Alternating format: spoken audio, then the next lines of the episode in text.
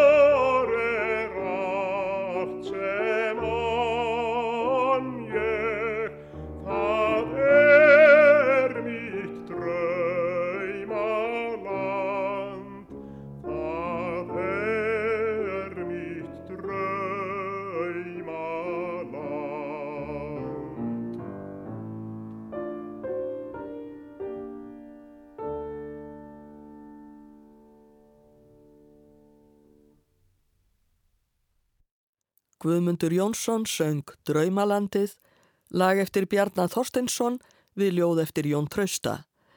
Ólafur Vignir Albertsson leik með á piano. Hinn nýja ljóðabók Guðmundar Magnússonar, eins og hann hétt ennþá, fekk nafnið Íslandsvísur. Hún kom út 1903 og upphafsljóð hennar var Draumalandið, en yfir ljóðinu falleg mynd eftir Þórarinn B. Þorláksson svanir á heiðavatni, blóm á vatsbakkanum og fjöll í baksín. Á þessum tíma var ungur maður, Sigfús Einarsson, við laganám í Kaupmannahöfn. Hann hafði samt takmarkaðan áhuga á lögfræði en því meiri áhuga á tónlist. Ung dönsk söngkona, Valborg Hellemann, reyf sig fúsmjög þegar hann heyrði hann að syngja íslensk sönglaug á skemmtun hjá Íslendingafélaginu. Valborg hafði komist í kynni við Íslendinga með því að kenna dætrum Mattiasar Jokkumssonar, þeim Elínu og Þóru söng. Daginn var hún stött hjá þeim og kom þá Mattias Þórðarsson allt í einu með sendingu, nótur að læginu Draumalandið sem Sigfús Einarsson var nýbúin að semja. Valborg fór strax að æfa lægið og var þetta til þess að þau Sigfús kynntust.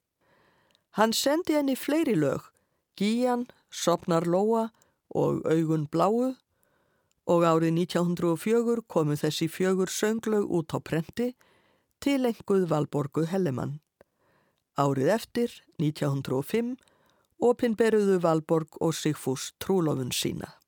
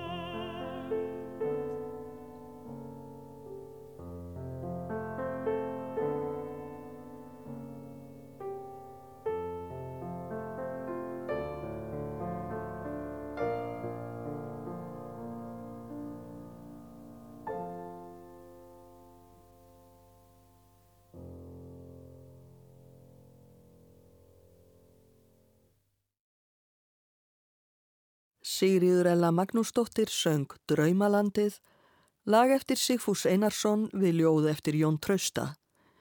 Pianoleikari var Ólafur Vignir Albertsson. Þetta lag Sigfúsar er eitt þekktasta og vinsælasta íslenska einsöngslag sem samið hefur verið og hefur verið flutt í ýmsum úrsetningum eins og heyra mátti í upphafi þessa þáttar. Skildi þá ekki bókinni sem geimdi þetta kvæði hafa verið vel tekið. Lítum á grein í Óðni 1. september 1905. Hvæðunum fylgja myndir eða vinnjettur eftir Þórarinn Þorláksson. Þeim er með öllu ofaukið. Hvæðin er ekki svo djúpsæ að fyrir þá sög þurfi skýringa og sem sjálfstæði list eru myndirnar einskísvirði sumar hræðilegar. Og síðar segir Eins og títerum stórskáld heimsins leggur Guðmundur enga dul á það að hann finnur hjá sér köllun og hana svo mikla að lesandin er á nálum með það hvort skáldið muni geta fleitt henni til lands á þessum kríu vangjum sem hann leggur upp með.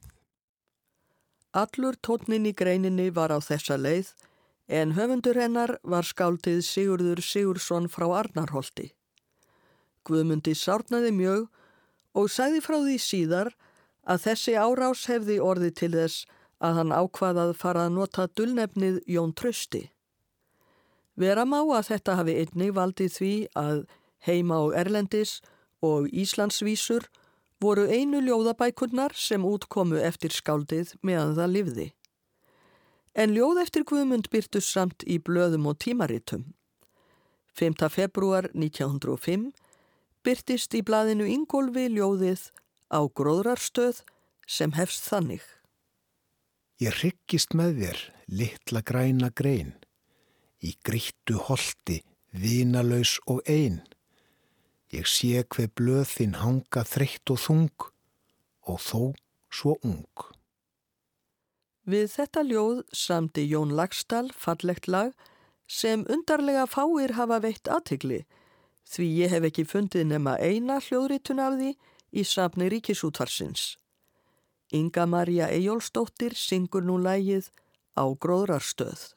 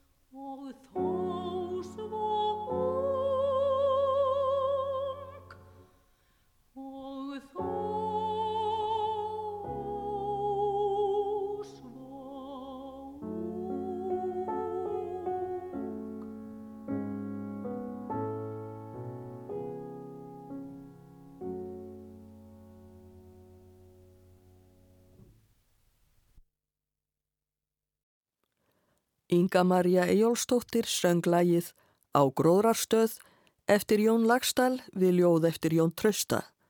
Guðrún A. Kristinsdóttir leik með á piano.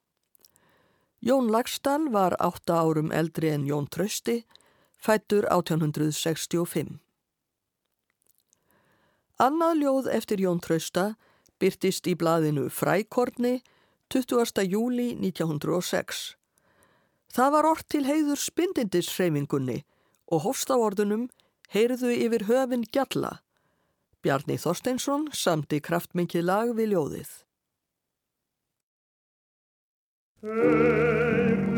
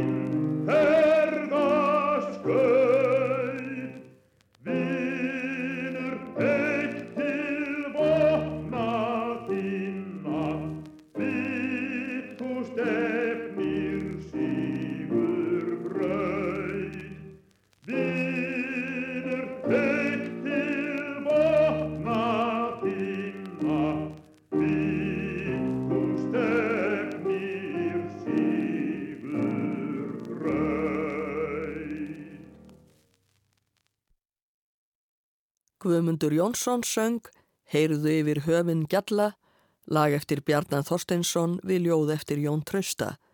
Við pianoið var Fritz Weisapell.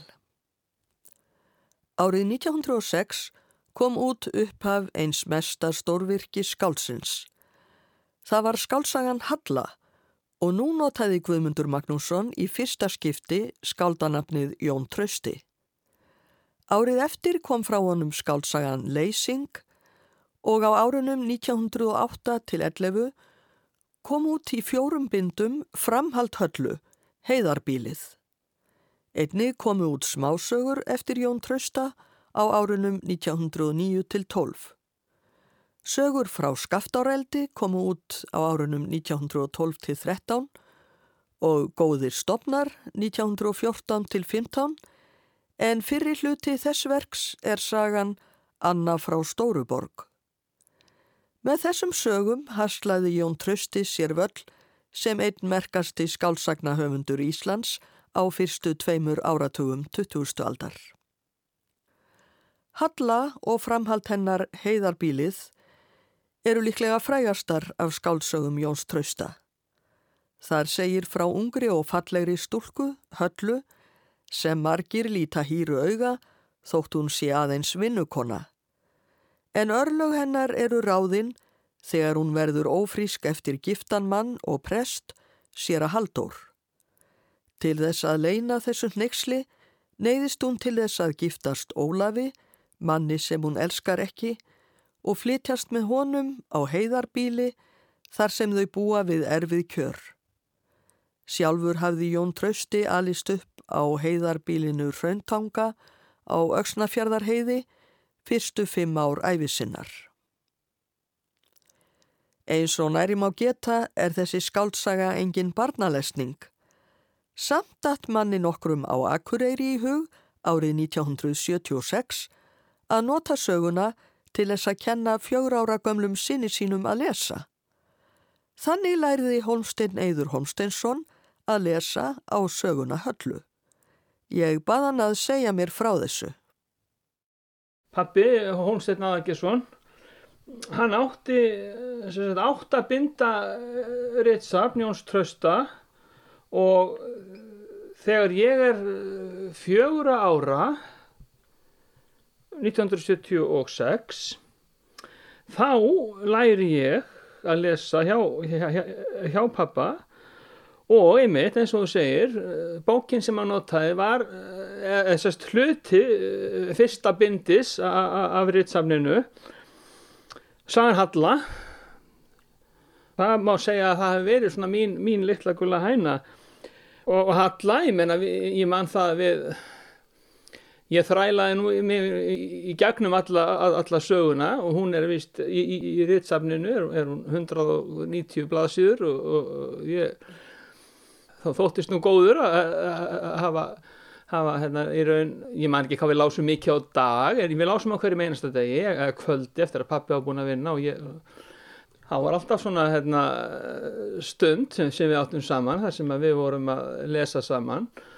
Og, og en ég veit náttúrulega sem ekki hvað, ég menna Þú hefur kannski ekki skilið mikið Nei, hvað, hvað, hvað fjórar á drengurinn hefur, hefur skilið mikið af af sögunni en, en ég menna samt það skilaði sér nú samt í því að ég lærði að lesa Holmstein eldri merti í bókina með litlum krossum hver langt drengurinn átt að lesa í hvert skipti.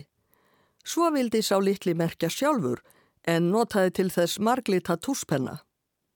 Ég man nú að þegar pappi, þegar hann komst, þegar hann komst að þessu það var nú ekki hérna Ég menn, hann var ekki ánaður. var búin að stór skemma bókina drengur saðan eitthvað. Var pappiðin mentamaður? Nei, hann var ekki mentamæður, hann, eh, já þannig, hann, hann lærði þess að hann var múrararmistari, þannig jú, hann, tók einskólan en, hérna, en hann var náttúrulega bara vannsamt og þó hann hefði verið múrararmistari þá vann hann bara sem verkamæður og það er verka, þess að hann vann við múruverk en hann var, hann var aldrei, hann var aldrei sjálfstætt sko þannig, hann var, vann alltaf hjá öðrum bara. En hann var það mikill, hafði gríðarlega áhuga á bókmyndum og, og ég menn hann var, las, las heil mikill og ég man, man alltaf eftir því bara heima, það voru alltaf bækur á stofuborðinu, það var Kiljan og Þórbergur og Jón náttúrulega, hún stutt að sækja hann og það var oft farið á bókasafnið og, og fengna bækur. Við skulum nú heyra Holmsteineið lesa upphaf sögunar höllu. Engin vera á jarðuríki er eins hafmyggisum eins og ung stúlka sem er hraust og fríð sínum og enga veru leggur óhammingjan eins í einelti. Þar vaka hinnar grimmu nornir stöðugt yfir bráðsynni og eru alltaf og allstafar nálægar. Það er næstum ótrúlegt hver lítil atvik geta dreyið ævilangt, auðnuleysi og eftir sér. Halla var fríðstúlka þegar hún var á gjafvaksta aldri. Um það var engin skoðanamunur. Hún var ekki stórvexti en þéttvaksin og hraustleg kvik og skarpleg í öllu fasi sínu og eldfjörug og kátt. Andlitið var smáfrýtt og svaraði sér allt vel, kinnarnar ávalar, jafnvel nokkuð bústnar og skiptu vel litum, munnurinn nettur, nefið beint og formfagurt og yfirsvipurinn hreinn og bjartur, en gletnislegur. Og þótt augun væri dökk og fjörleg, greindarleg og stundum dálítið dreymandi, leindu þau því ekki við nánari aðtugun að þau hafðu tvent til. Þau áttu blíðu og ástúð en þau gáttu líka sínt þrjósku, hörku eða kalda fyrirlitningu. Holstein Neiður Holsteinsson las upphaf sögunar höllu eftir Jón Trausta fyrstu bókarinnar sem hann las á æfisinni. Skálsagan Heiðarbílið framhald höllu var færið í leikritsform árið 1964 og hljóðrituð sem útvarsleikrit. Leikgerðina gerði Valdimar Lárusson sem jafnframt leikstýrði. Við skulum nú heyra brot úr leikritinu. Halla og Ólafur eru lögð af stað til heiðarbílisins þar sem þau ætla að búa en gamla pressfrúin sem alltaf hefur verið höllu vinnveitt vil hveðja hana áður en þau fara. Komið í sælir, Ólafur minn. Já, komið í sælir. Og kvandum marg blessað sæl, Halla mín. Ég sé að þú ætlar ekki að koma að hveðja mig. Þú er sett að fara svona langt í burtu frá okkur. Ég ræði nú ekki ferðinni. Hvernig líður þér, góða mín? Vel. Þetta segir þú alltaf. Nú, jæja, það gleður mjög innilega að þið líður vel. Ég vildi óska þið líði alltaf vel. Er Ólafur góður við þig? Já, hann er mér einstaklega góður og vil allt fyrir mig gera. Það er gott. Þá þykir honum vænt um þig og barnið.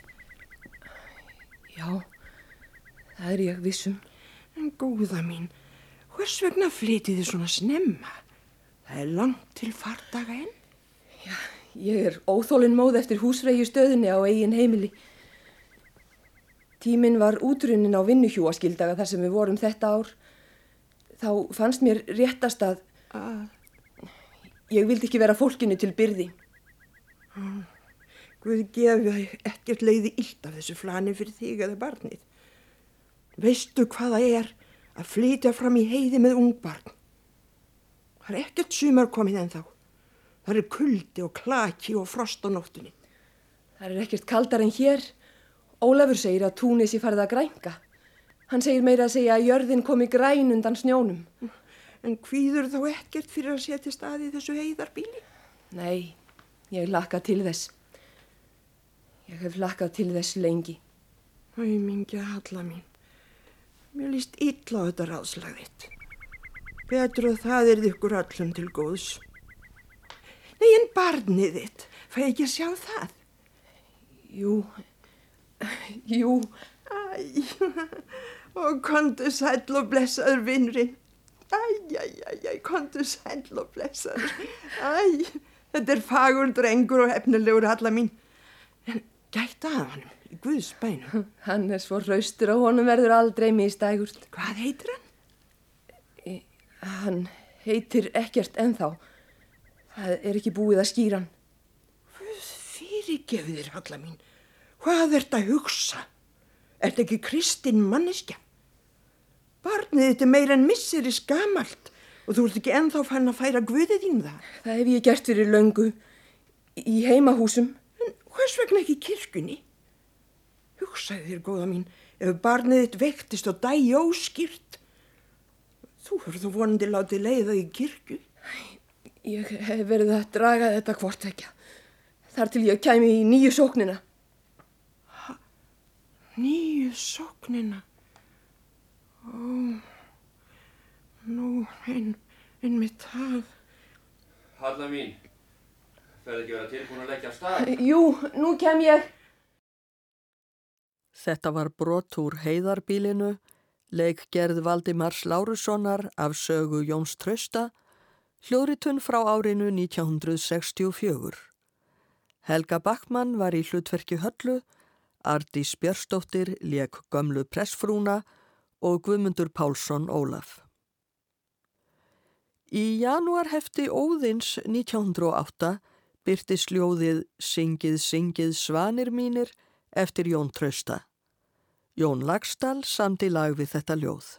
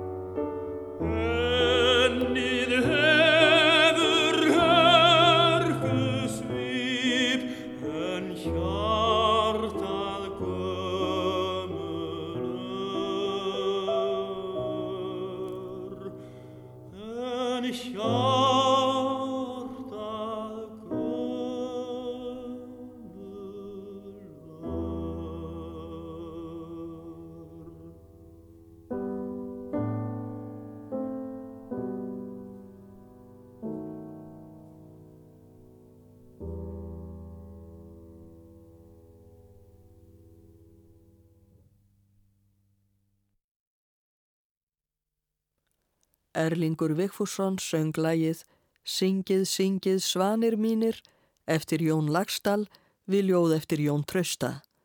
Ólafur Vignir Albertsson leik með á piano. Jón Trausti samt í stundum barnaljóð sem byrtust með myndum í blaðinu Æskunni. Í februar 1912 byrtist þar lítið kvæði sem hétt Nálin mín og fyldi teikningu af lítilli stúlku sem var að reyna að þræða nál. Svo liðu nýju ár en í februar 1921 byrtist í æskunni lag á nótum við þetta kvæði Jóns Trausta. Jens E. Níelsson kennari let þær upplýsingar fylgja læginu að nýju ára gömul telpa á Þingeyri, Guðrún Bjarnadóttir, hefði búið þetta lag til skömmu eftir að ljóðið byrtist í æskunni 1912 og hann hefði skrifað lægið upp eftir stúlkunni veturinn 1914 til 15 þegar hann var kennari hennar. Þar sem lægið byrtist þarna á prenti breytist það út og hjá stopnun Árna Magnússonar má finna hljóðrit þar sem áskerður gísladóttir syngur lægið. Nálin mín, nálin mín Nei, hvað þú ert smá og fín, auga þitt, indi mitt, ekki get ég hitt. Þú ert alltaf þæg og létt, þýð í spori príðisnett, mjúk og hál, áþekk ál, allra besta nál. Það var áskerður Gísladóttir, fætt 1919, sem söng lægið Nálin mín eftir Guðrúnu Bjarnandóttur við hvæði Jóns Trausta. Helga Jóhannsdóttir gerði hljóðritunina fyrir Árnarsafn árið 1969. Árið 1915 var merkisár í Íslandsögunni Það ár fengu Íslendingar sinn fána og íslenskar konur fengu kostingarétt til alþingis. Jón Trausti orti ljóð í tilefni af þessu korutvekja. Fánaljóð hans hétt til þrýlita fánans og Jón Lagstall samti lag við það en því miður hef ég ekkert hljóðrít fundið af því. Hins vegar er til hljóðrít af hvæðinu sem Jón Trausti orti í tilefni af kostingarétti kvenna og sungið var í Reykjavík 7. júli 1915 þegar kostingaréttinum var fagnað. Ljóðið hefst á orðunum Við fögnum þér hækkandi frelsisins öld og er sungið við sænska þjóðlægið Du gamla du fría. keep